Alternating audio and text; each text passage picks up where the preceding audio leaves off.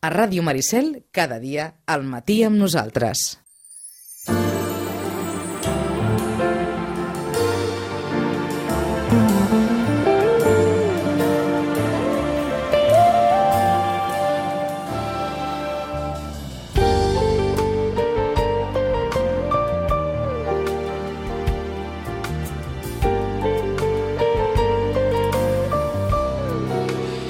Com us dèiem, no arreglarem per res, però com a mínim en parlarem, que sempre va bé eh, parlar-ne. L'hora d'Europa, com és habitual, una vegada cada mes amb en Joaquim Millan, des d'Eurolocal. Joaquim, bon dia, bona hora. Molt bon dia. En Joaquim que ve de Madrid. Sí, ahir estava a Madrid, avui he vingut a primera hora, retornant cap aquí corrents, s'ha d'aprofitar el temps, i, i bueno, per feina, per feina. I allà, I allà fan la mateixa mala cara que aquí.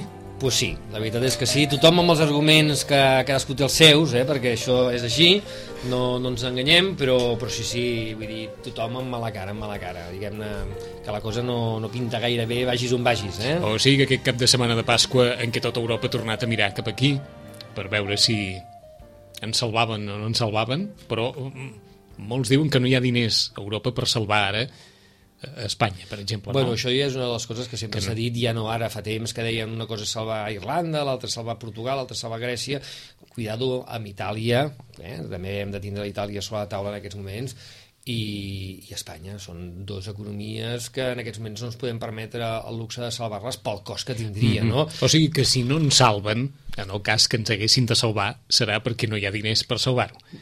O perquè el cost que suposa això no. ja no fa falta. És allò, dius, bueno, fins a on podem nosaltres anar salvant un país rere l'altre i fins on tenim nosaltres eh, la maquineta d'anar tirant per anar podent fer això, no? anar rescatant, anar intervenint. Mm -hmm. De fet, de, indirectament, ja tots som conscients que, que, que Espanya està entre cometes, intervinguda d'alguna manera, no? Eh, tenim ministres que es passen més temps a Brussel·les donant explicacions que donant explicacions eh, aquí a casa, no? Mm. Eh, I per tant això ja està dient alguna cosa, ens està dient alguna cosa, no? Res que no fos previsible, però suposo que ens torna a donar una imatge d'aquesta Europa diguem-ne que intervencionista, l'Europa bueno, que, que, que ens apreta, l'Europa que...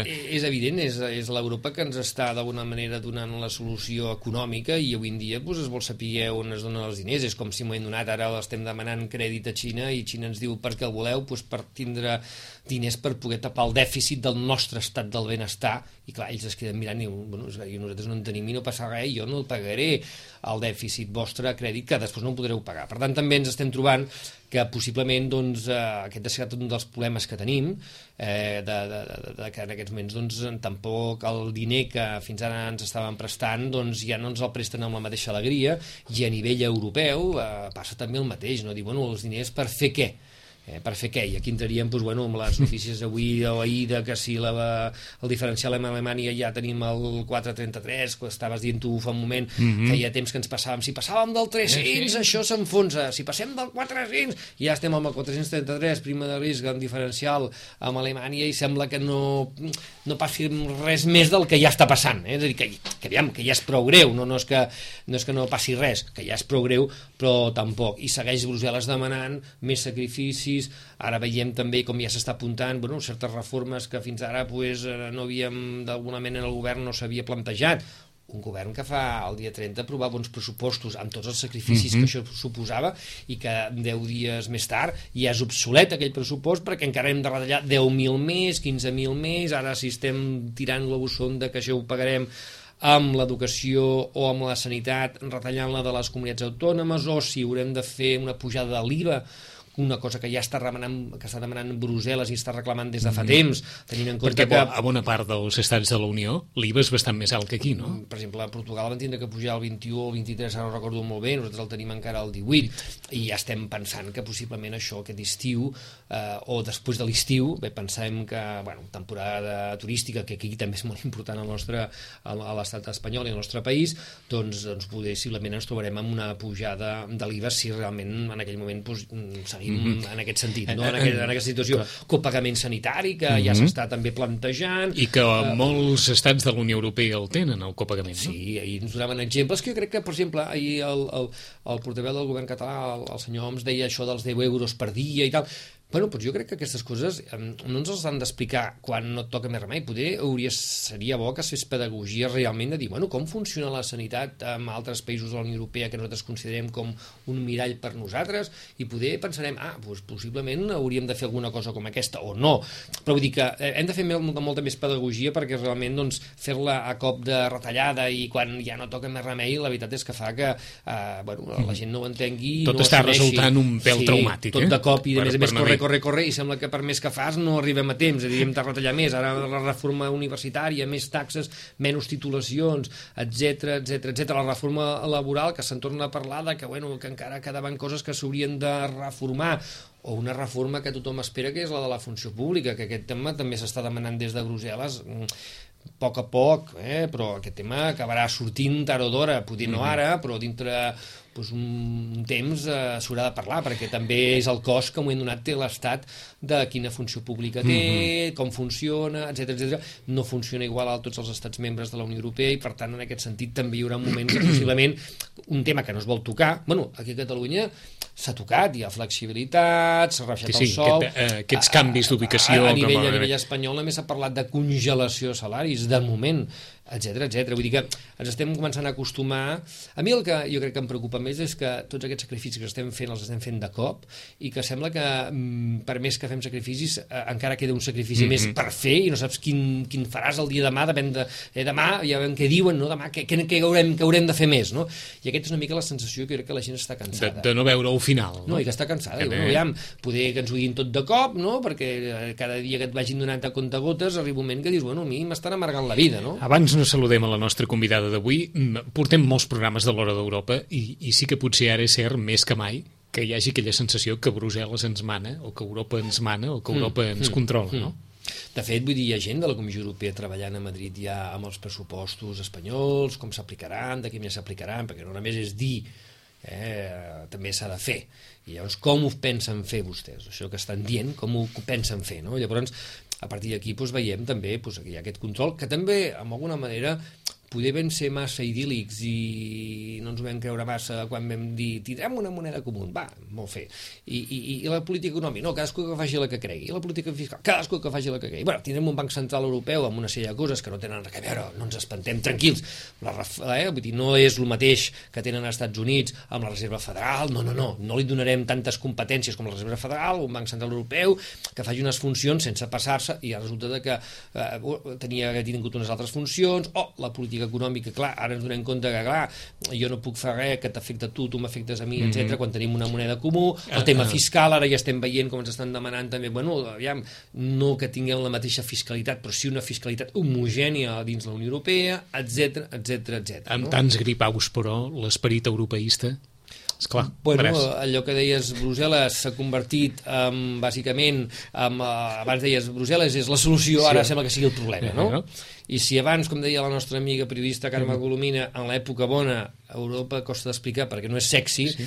ara, més ara no cal ni dir sembla eh? la Clola de Vil, no? dius, ostres, cuidado no?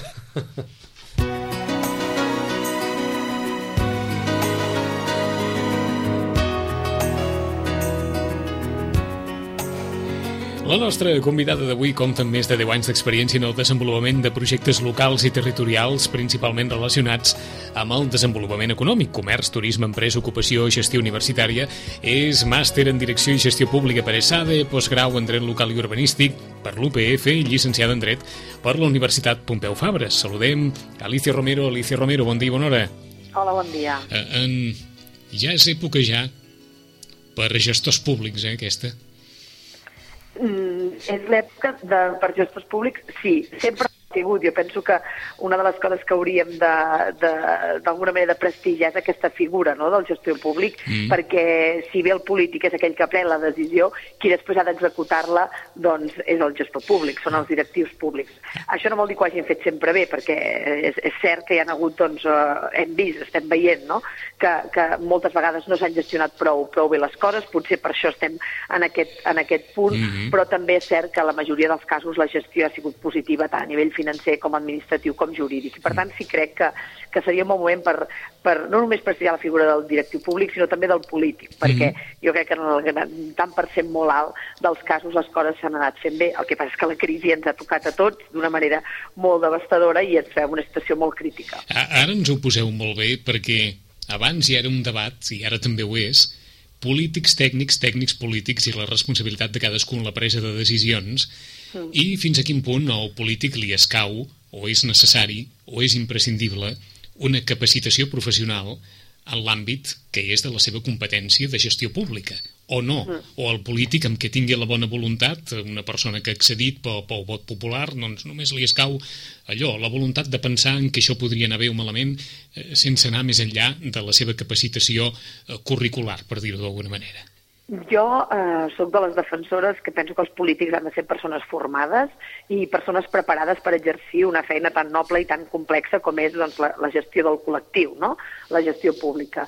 Eh, després, mm, ja no acabo d'estar tan d'acord o no crec que sigui imprescindible que aquella persona tingui una formació eh, concreta i específica per a aquella responsabilitat que ha de portar a terme. Penso que la formació és molt important, és una base sòlida que et permet doncs, tenir uns certs coneixements, una certa capacitat de decidir, de tenir una seguretat amb un mateix, i després si un és responsable d'urbanisme o de cultura, el sentit comú i el coneixement del territori segurament l'ajudarà a prendre la decisió. Mm. Però sí que penso que és important que el polític estigui informat, sobretot en els temps en els que estem, que per qualsevol feina et demanen una titulació universitària, que sàpigues idiomes, per tant que, que cada vegada hauríem d'anar més tendint a aquesta, aquesta, aquesta responsabilitat no? uh mhm. -huh. i aquestes condicions pel, pel polític, perquè després els hi demanem també els directius i, per tant, jo crec que aquest desfase entre uns i altres no, no és positiu. En genèric i sense demanar-vos que ens assenyaleu a ningú, bona part del que ens passa ens passa per haver gestionat malament els recursos públics?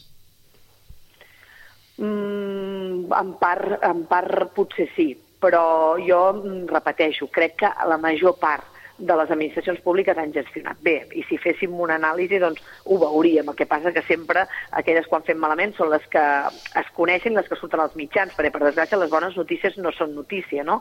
Però sí que és veritat que potser hem estirat més al braç que la màniga, ens hem pensat que aquesta època de vaques grosses duraria molt de temps i per tant, doncs mira, d'alguna manera el que dies passa anys empeny ens ha fet molt de mal en aquests moments, no? Però jo segueixo sempre fent una defensa perquè crec que hi ha molts millors polítics i directius públics del que ens fan creure, perquè és veritat que això no és notícia, per tant, als mitjans surt la corrupció, el que té un dèficit i molt important, i per tant, doncs, bueno, jo crec que això fa un cert mal al servei públic, als serveis públics i a la gestió pública, que és imprescindible, i més en aquests temps que, que estem vivint. Eh, segurament, senyora Romero, perquè tampoc hi ha hagut la contundència necessària davant aquells gestors públics que han incorregut en Mm, d'alguna manera, si ho podem dir així, amb tots els matisos en la perversió dels valors que li corresponen per la seva condició? És possible, és possible. També hauríem de ser molt més contundents a l'hora de castigar aquell que no ha exercit bé la, la tasca que se li va encomanar i, i per tant, el no fer això també fa doncs, bueno, que hi hagi eh, una certa doncs, eh, tu, bueno, menys tolerància a l'hora doncs, de, de, de criticar un col·lectiu sencer. I és veritat això, i crec que els partits polítics aquí haurien de ser molt més durs i cada vegada doncs, que hi ha no només un cas de corrupció, sinó un cas en el que hi ha algú que no ha complert bé el seu deure i per tant ha portat a l'administració una situació de col·lapse, doncs segurament hauria de, hauria de, de pagar-ho d'alguna manera. No? Igual que passa a la privada. A la privada, si no fas la teva feina, doncs eh, també és veritat que els polítics cada quatre anys passen un examen, eh? però més enllà de l'examen de, de la ciutadania, penso que hi hauria d'haver-hi potser eh, algun altre control que en aquests moments no hi és i que potser ens ha portat aquesta, aquesta mala imatge. Però jo repeteixo, eh, m'agradaria algun dia veure eh, alguna sèrie a TV3 en el que els, els protagonistes fossin els polítics i veiéssim doncs, totes les cares, perquè generalment quan surt algun sempre és en negatiu, és el corrupte, no? és el que fa les coses malament, quan hi ha molta gent que s'aixeca cada matí, que té una feina, que més, enllà, a més a més es dedica a l'Ajuntament i ho fa tot doncs, eh, pel seu col·lectiu sense moltes vegades guanyar-hi res. Eh, I això crec que tam també s'ha de també s'ha de dir. No? Eh, quan expresseu aquesta argumentació, algú us comenta que teniu una visió massa positivista de la, de la vida ara, o no? Mm, veure, jo crec que la gent que, que ha tingut a prop els polítics o ha viscut la política una mica a prop sap que això és així. El que passa és que, bueno, el més fàcil és criticar, no? L'altre dia escoltava en un programa de ràdio, parlàvem sobre els sous dels funcionaris que s'han han baixat, que han perdut molta capacitat adquisitiva, i una, aquesta persona que trucava, que era funcionària, deia, en canvi, els polítics segueixen tenint sous milionaris. Això és una demagògia, això no és veritat. Els polítics no tenen sous milionaris en aquest país, no? I, i segurament estan mal pagats perquè la responsabilitat que tenen és molt alta. Però bé, en aquests moments això, dir-ho no és políticament correcte perquè, mm, doncs, eh, evidentment, quan menys guanyem sembla que, que millor. Jo crec que no, que les feines han d'estar ben pagades totes. La de la persona que recull la brossa, el mestre, el metge i també el polític. En aquests moments això no és així, però com que queda bé dir-ho, i en el sopars, doncs, si es diu això, doncs tothom t'aplaudeix, doncs vinga, anem a ser eh, la mar de populistes. Però penso que hem de fer un debat i s'ha de parlar de manera, de manera rigorosa d'aquests temes. Estem en una època on, on s'estan bescanviant el veritable valor de les coses? Sí, hi ha un, eh, jo crec que sí, que en aquests últims anys s'ha banalitzat molt el valor de les, de les coses i, per tant, doncs, eh, estem en un moment de col·lapse, no? que sembla que no, no sabem valorar el que realment és important del que no ho és. I, i jo crec que en el cas de l'ús públic això ha passat molt, no? I, per tant, ara quan hi ha retallades, que en parlàveu amb el, amb el mhm. Joaquim, doncs, bueno, hi ha retallades i sembla que no passi res, no? Bueno, com que no ho hem valorat, quan ho hem tingut, doncs ara sembla que no passa res perquè ho perdem, no? I en canvi doncs, estem en una situació crítica que d'aquí un temps jo crec que en serem conscients del que està passant. De tota manera, i abans no parlem de la, de la vostra pròpia experiència, des del punt de vista professional, parlàvem ara o intuïem aquesta, aquesta percepció ciutadana de, de cada dia ens aixequem amb, amb alguna tragèdia afegida o amb algun petit drama afegit dins d'aquesta sí. circumstància econòmica. Des del punt de vista professional, també penseu a vegades, bé, fins, fins on arribarem en, en aquesta regressió, per dir-ho d'alguna manera, d'on partíem, fins, fins on arribarà o, o fins on pot arribar, o si els professionals veritablement saben que no es pot travessar determinat límit o les informacions amb les quals ens despertem cada dia demostren que allò que era límit ahir, doncs demà ja no ho pot ser perquè en marcarem un altre. Veritablement els especialistes saben fins on es pot arribar en, aquest, eh, en això.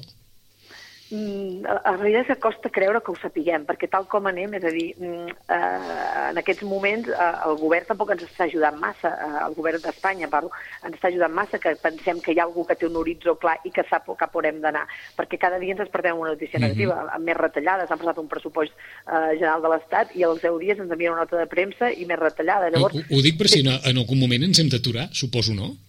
Sí, en algun moment ens haurem d'aturar, perquè, clar, això, ja, jo, jo crec que les línies vermelles ja les hem creuat, que uh -huh. són mhm. les de l'educació. Per mi, bàsic, l'educació i les persones són clau a la societat i si no apostem per les persones, jo crec que estem perdent uh, els fonaments bàsics, no? La sanitat és un altre dret universal que crec que si el travessem també tindrem greus problemes, però jo crec que les línies vermelles ja les hem creuat. No sé quan, si un metre o un quilòmetre, però crec que els límits uh, ja els comencem a travessar. -huh. Jo crec que la, la sensació dels professionals és aquesta, no? Eh, potser fa uns mesos ens semblava que encara hi havia un cert límit, però jo crec que ara ja l'hem travessat i, i, i comença a ser preocupant. I realment jo soc una persona molt optimista, però és cert que quan al matí t'aixeques i escoltes les notícies o llegeixes els diaris, clar, eh, eh t'has de posar en una situació molt difícil, no? perquè veus que, que, bueno, que no saps massa si això eh, acabarà millorant. No? Mm. Esperem que Europa ens doni una mica de, ens doni una mica de, de, de treva amb això, perquè si no eh, patirem molt. O potser el fet de que,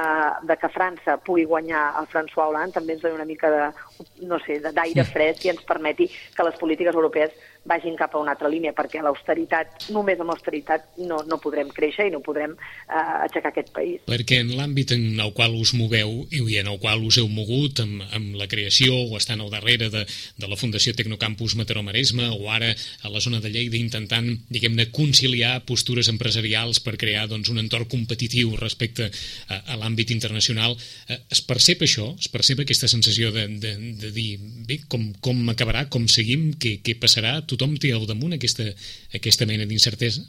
Sí, hi ha una certa incertesa, això, això és lògic, no? Tots ens aixequem amb les mateixes notícies i hi ha incertesa, però és veritat que en el, jo crec que en el sector empresarial, a, a la gent que té idees, la gent que té ganes d'emprendre, eh, obvia una mica eh, aquestes males notícies, perquè si no, no faria res. Sí. I cada vegada ja, es creen més empreses, cada vegada més gent ens truca a la porta perquè té una idea i té ganes de posar-la en pràctica, el que sí, evidentment, és que després es troba dificultats, sobretot financeres, perquè doncs, no corre no, el, el diner i, per tant, doncs, té dificultats per intentar que la seva empresa doncs, es consolidi o creixi.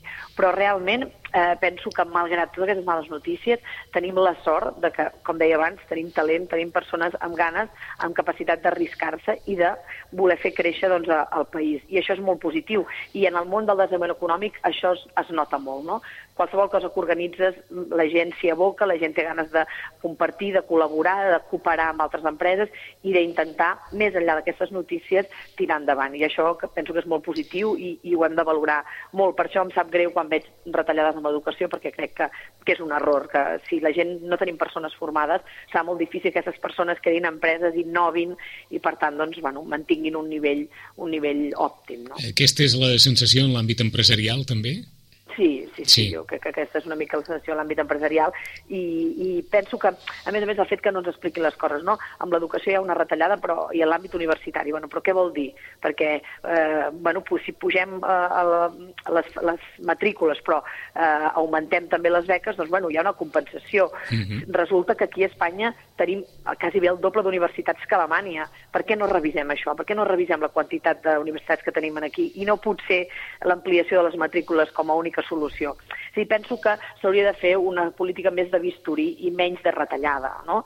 I, per tant, intentar filar una mica més fim les, les polítiques que hem de fer, perquè després afectaran no només a l'avui, al futur. I penso que Espanya ha viscut molts anys eh, sota un pou i ara que havíem sortit i havíem vist la llum i començàvem doncs, a pujar la muntanya, és una pena que, que tornem enrere. Ara sembla mentida, i en Joaquim Millan us comentarà una qüestió d'aquí un moment, parleu de la política de bisturí, però és clar per fer la política de bisturí s'ha de conèixer molt el malalt i per conèixer ah. molt el malalt s'ha de trepitjar molt de peus a terra i s'ha de parlar amb cadascú i s'ha de trucar a cada porta per saber què passa a cada casa, no? Exacte, sí, això és veritat i jo penso que hi ha una sensació també de que això no s'està fent. No s'està fent, no? I també s'ha de, trucar, també s'ha de trucar a la casa dels amics, que a vegades dius, bueno, a la casa de l'amic no el truco perquè et vaig prometre això i per tant aquest, aquesta universitat que tu vas dir que faries te la deixo fer i, to, i toco a la, a la casa que no és del meu amic eh, i ens entrem amb el que estic dient Sí. Clar, jo, jo estic d'acord molt amb l'Alicia que hem de fer un sentit comú, deixem-se de punyetes, és a dir, en la mesura que nosaltres estem eh, parlant d'Alemanya i tenim el doble d'universitats, o tenim més aeroports, o tenim més... Bueno, aeroports, no sé si estan oberts o no, però vull dir, aeroports, eh, estacions d'AVE, ara volem fer l'AVE a Galícia, no sé què. O sigui, poder haurem d'agafar i dir, bueno, aviam, mm, fem el que tinguem que fer, no allò que ens agradaria fer. A vegades toca fer el que, el que has de fer, no el que t'agradaria fer. Sí. Jo una mica volia entrar en el que l'Alicia deia abans de, de, de que realment estic absolutament d'acord amb el tema de la formació i, mm. i, i, i números, Alicia, tu saps que en aquests moments tenim estadístiques on en aquests moments doncs, el fracàs escolar a l'estat espanyol és del més a la Unió Europea, per sobre d'altres països que a vegades ens els miraríem per sobre l'ombro, bueno, doncs no tenen el fracàs escolar que tenim nosaltres. Mm. Tenim la taxa d'atur juvenil més alta d'Europa, per sobre en aquests moments ja del 50%, sí, sí. i t'estic parlant no dels ni-ni, no, de joves també preparats, i els sí, que estan sí. molt ben preparats marxen fora.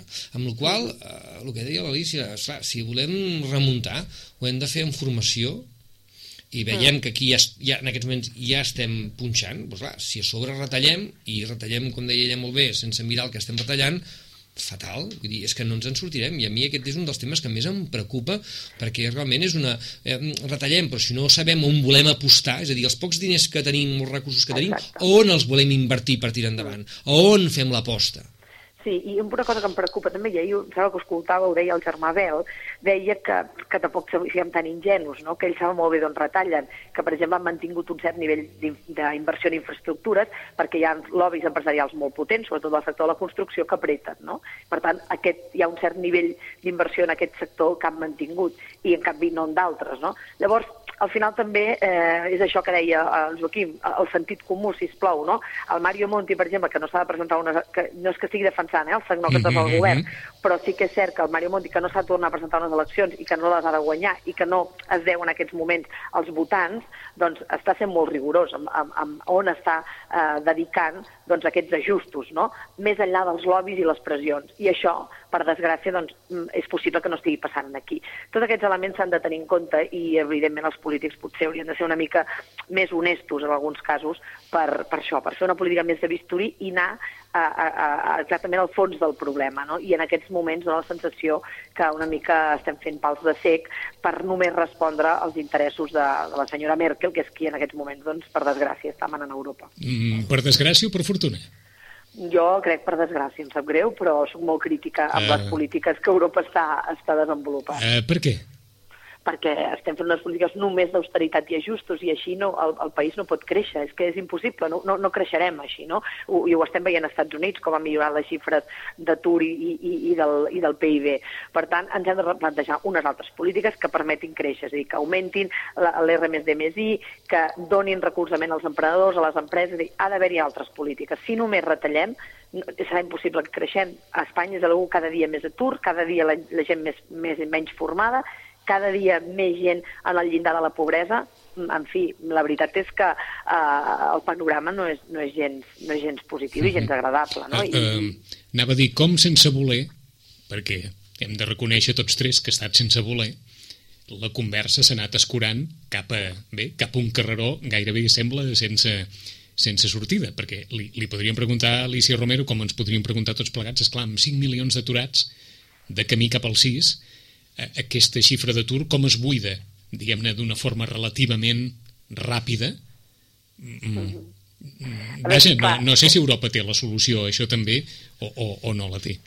Mm, evidentment, si la, jo la tingués, potser no estaria No, segurament no, està no? clar. Ojalà, ojalà estigués en un altre lloc. Però és a dir, o es, o es buida només en el sector serveis, que és el clàssic sector que ha ocupat, mm, o, o si no, mm, difícilment bona part d'aquestes persones podran accedir a llocs de treball que demanen uns requisits de formació que a hores d'ara molt probablement qui venia del sector de la construcció serà molt difícil que pugui complir, per A més, exemple. no podem seguir construint més ni privada, Exactament. ni Sí, públicament, eh, eh, ni privada eh, ni Sí, públicament. però en aquests moments, a- aquests quasi bé 6 milions de persones aturades no provenen només del sector de la construcció. No, hi ha està clar. molt, com deia el Joaquim, hi ha un 50% de- d'atur juvenil, de gent molt formada. Però clar, si resulta que estem retenant amb investigació, estem tancant centres de recerca, les empreses, és, és a dir, clar, hi ha un, una situació en la que ja no només aquella persona que surt de la construcció no té formació, no troba feina, és que aquests tampoc n'estan trobant. Per tant, tenim un problema. Eh, jo miro una mica als Estats Units perquè és un país que, en una situació difícil com estava, doncs ha injectat eh, molts recursos per la inversió, és a dir, ha invertit molt en el país, està reduint l'atur i està augmentant el PIB, doncs no sé, potser es poden fer mesures incentivadores com està fent els Estats Units i no nosaltres que només estem amb les aturades i els ajustos, no? Per això mm, jo miro una mica a França i penso, a veure si tenim sort, eh, hi ha un canvi de govern i això ajuda a donar una mica d'aire fresc, perquè que està clar és que el François Hollande no farà les mateixes polítiques que Merkel i aquest contrapès penso que li pot venir bé a Europa, perquè és que si no, eh, clar, a la Merkel ja li va bé aquestes polítiques, no? Perquè ella eh, està en una situació molt millor, no? Eh, evidentment tothom li deu, li deu diners, tothom els paga molt cars, i ella en canvi té un deute que paga molt baix. Per tant, bueno, mm, al final ella també està pensant eh, molt en Alemanya i, i poc en Europa, penso Fem, jo. Eh? fem, fem un apunt aquí perquè, en el fons, en el fons, en vegem alguna cosa de la manera de funcionar dels alemanys? El, home, sí, jo crec que sí. Sobretot que ells, molt abans que nosaltres, van donar compte que venia una crisi. 2004, I van el 2004. I, va, i, van, I van començar a posar, eh, Joaquim, van començar a posar remei, és a dir, van començar amb polítiques. I nosaltres, mm, bueno, ens vam fer una mica els remolons, no?, amb, amb, amb la crisi. I, Vivíem, i això, vivíem molt bé, no? vivíem molt bé i ens pensàvem que això eh, seria tota la vida, pensàvem tirant més el braç que la màniga, i resulta que no ha estat així. Ells ho varen veure abans, i, i per tant doncs, van, van posar remei abans i evidentment ara no estan en una situació de crisi com nosaltres. O sigui, aquesta enveja sí, a més tenen un sector eh, industrial molt potent, eh, hi ha una, molta formació, no només a l'àmbit universitari, sinó en l'àmbit de la formació professional, que és un, un dèficit que tenim a Espanya. Jo, com que sempre dic que som un país nou ric, en el sentit que fa poc que vam sortir doncs, de la penúria, diguéssim, doncs tots hem volgut ser universitaris, i ara no hi ha tants llocs pels universitaris, i en canvi no tenim gent preparada a la formació professional, que és justament on hi ha oportunitats de treball, no? I, i on hi ha molta Europa. I en aquest sentit, doncs, bueno, nosaltres hauríem d'equilibrar algunes coses, no? Que, que eh, en aquest cas Alemanya les té, les té equilibrades. Bé, no ho sé, les, realment les polítiques que estan plantejant en aquests moments no em sembla que vagin per equilibrar això i per ajustar-nos a un model més alemany, que tam tampoc sé si nosaltres hem de ser Alemanya, no? però com a mínim si amb aquests elements que t'ajuden a reforçar i estructurar una mica la teva economia. Eh, Cada terra fa sa guerra i la, la guerra de la nostra terra ha estat una guerra més especulativa que productiva, no? Sí, per desgràcia, ens hem dedicat a sectors mm, molt conjunturals, que segons la situació de, conj- de conjuntura econòmica doncs anava bé o malament. Mm. És clarament això la construcció i el turisme en part també. El turisme barat, eh, de sol i platja, en el sentit negatiu, doncs eh, ha de fer molt de mal perquè això també eh, oscil·la molt segons la conjuntura. Mm -hmm. Necessitem reforçar-nos en sectors estructurals, que no creixin i baixin per la situació econòmica. Però no? a hores d'ara l'única sortida possible, almenys així relativament ràpida, és la del turisme com a motor econòmic.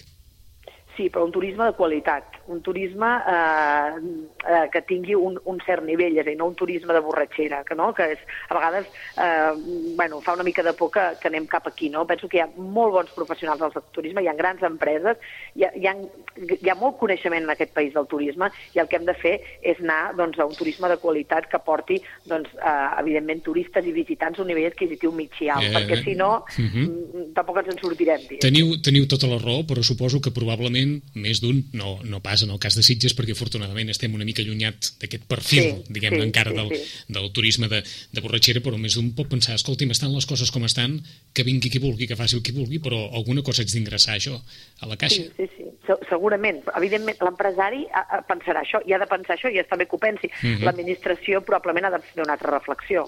I, per tant, el que ha de posar són les condicions perquè això es vagi acabant i anem a una alternativa.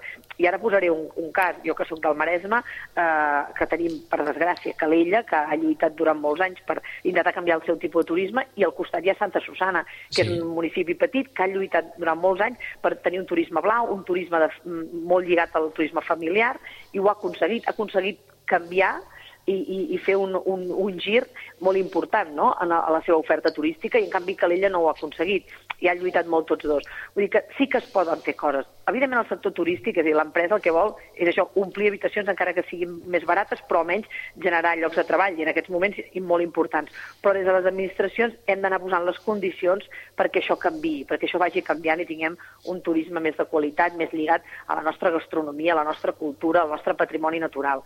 Eh, és això el que, el que hem d'anar tendint. I, I això d'Eurovegas és una bona sortida? Aquest és un debat difícil, és un debat Mhm. difícil. Jo hi ha, hi ha dies que penso que sí, hi ha dies que penso que no. És bona, Eh, és bona aquesta, sí, perquè, si, ho, aquesta si, bona, aquesta perquè bona, si ho sí. pensa una professional, què hem de pensar la gent, la, la gent de peu de carrer, no? Bueno, és que, no, és que és un debat complicat, la veritat. Per, eh, sobretot perquè el, el, el plantegem en el 2012. Si això hagués sigut el 2007 o el 2006, Mhm. jo també crec que la resposta seria Sí, diferent. sí, el plantegem algú- quan, quan hi ha gana, Clar, vaja. exacte. Llavors, quan hi ha gana, diem, home, clar, tants llocs de treball, eh, tanta generació de riquesa, tant no sé què, home, doncs no podem dir que no. Bueno, mm, jo crec que també amb l'Eurovegas ens falta informació. A mi m'agradaria llegir la lletra petita, saber quin tant per cent de casinos hi ha, quin tant per cent d'hotels. Si sabem que... Clar, és que eh, es parla d'Eurovegas eh, com si fos Las Vegas i sembla que el model que es vol implantar aquí és diferent. Però m'agradaria saber, jo crec que ens falta informació, quant de diferent és, no? Mhm. I en aquest sentit, la falta d'informació fa que això, que hi hagi dies que pensi que no i hi hagi dies que pensi que sí. No? Ja, ja ho sabeu que els diners no estan massa ben relacionats amb la lletra petita de les coses o, Sí, amb el, no, no. o amb el coneixement de la lletra petita de les coses, eh? Però a, a vegades ens passa que per no llegir-la prenem decisions equivocades. Ja, eh? ja. perquè ho dèiem abans, no? hauríem d'anar al fons de les coses per poder decidir bé. I a vegades això, no? com que decidim una mica per segons com ve l'aire, i crec que aquest és un tema que, que s'ha de treballar bé. Tot i així, eh, penso que hi ha massa requeriments que no sé si Catalunya, el govern de Catalunya està, estarà disposat a, a donar-li aquest senyor. Eh? I per tant, com que la senyora Aguirre sempre està disposada a tot, és probable que acabi anant cap allà. Però mm, jo crec que hauríem de revisar molt bé aquest projecte per donar un sí molt clar. Jo no el tinc, en tot cas, mm, en el meu cas no, no, no el tinc massa clar, Ahà. el, el sí. En aquest context, com es pot competir amb Europa?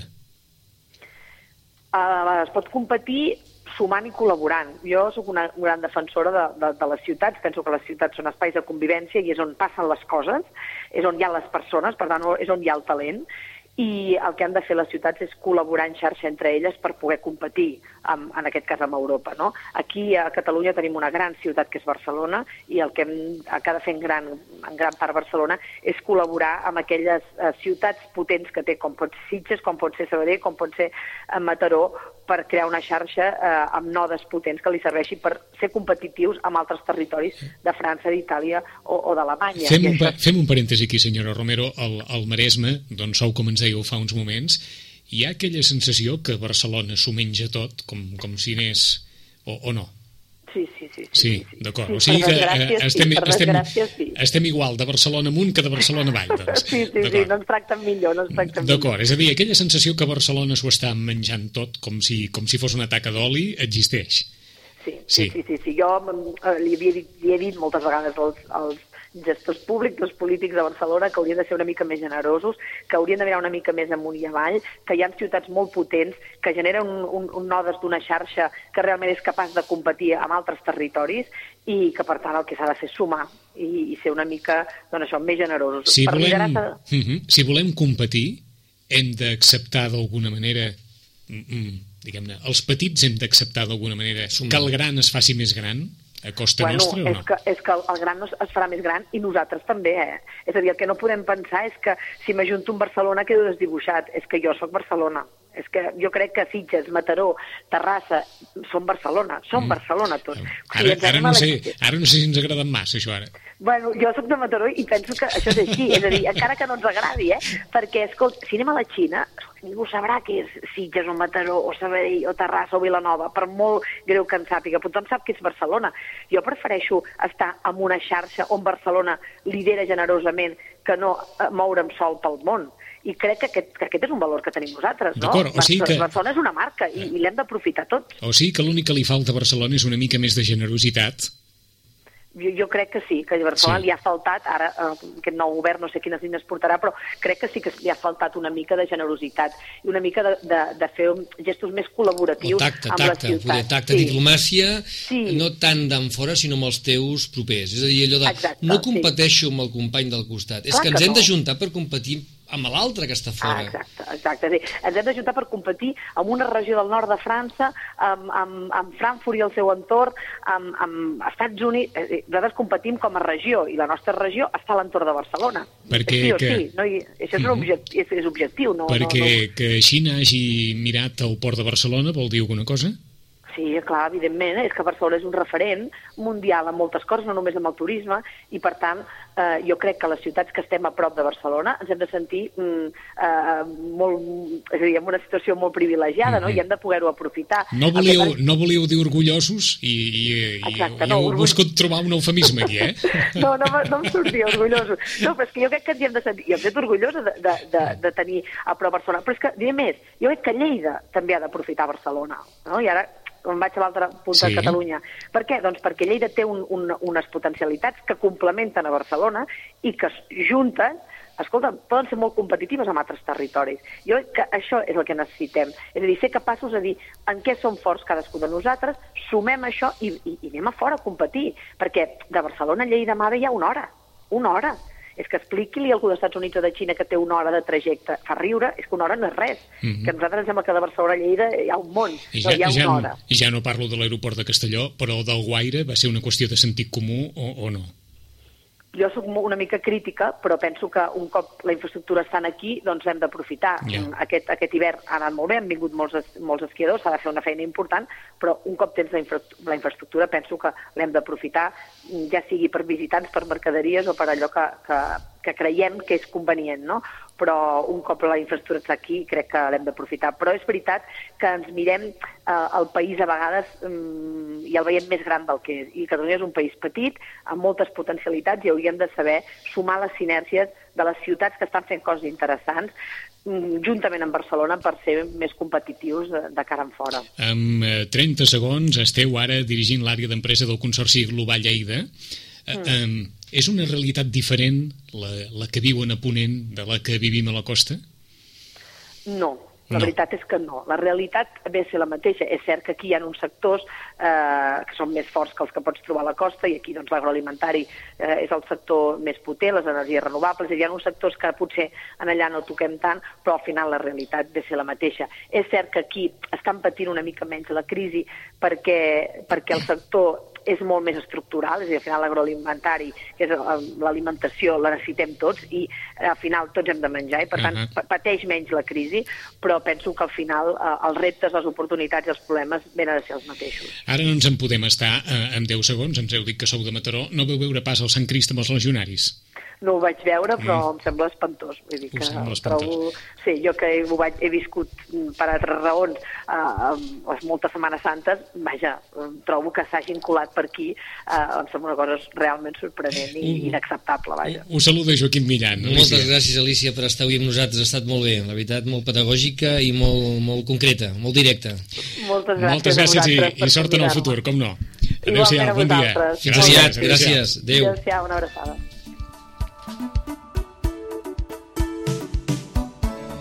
Com competir amb Europa? Era el que ens proposava Alicia Romero, però no només hem parlat d'això, l'educació. L'educació. Ai, Joaquim. L'educació. Jo aquest tema és un tema, ja fa molts anys que el segueixo escoltant i avui segueix sent aquell punt que encara feble, feble, i ja veiem els resultats, molt feble. 50, I- i- Més del 50% d'atur juvenil. I quants convidats ens han dit el mateix? L'educació, Doncs l'educació, l'educació, l'educació. Això també Eh? ens fa que pensar que colors diferents, governs diferents, propostes diferents, pressupostos diferents, i sempre acabem...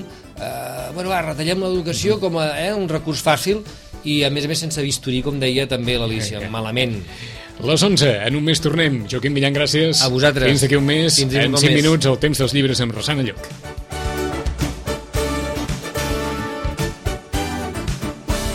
A Ràdio Maricel, cada dia, al matí, amb nosaltres.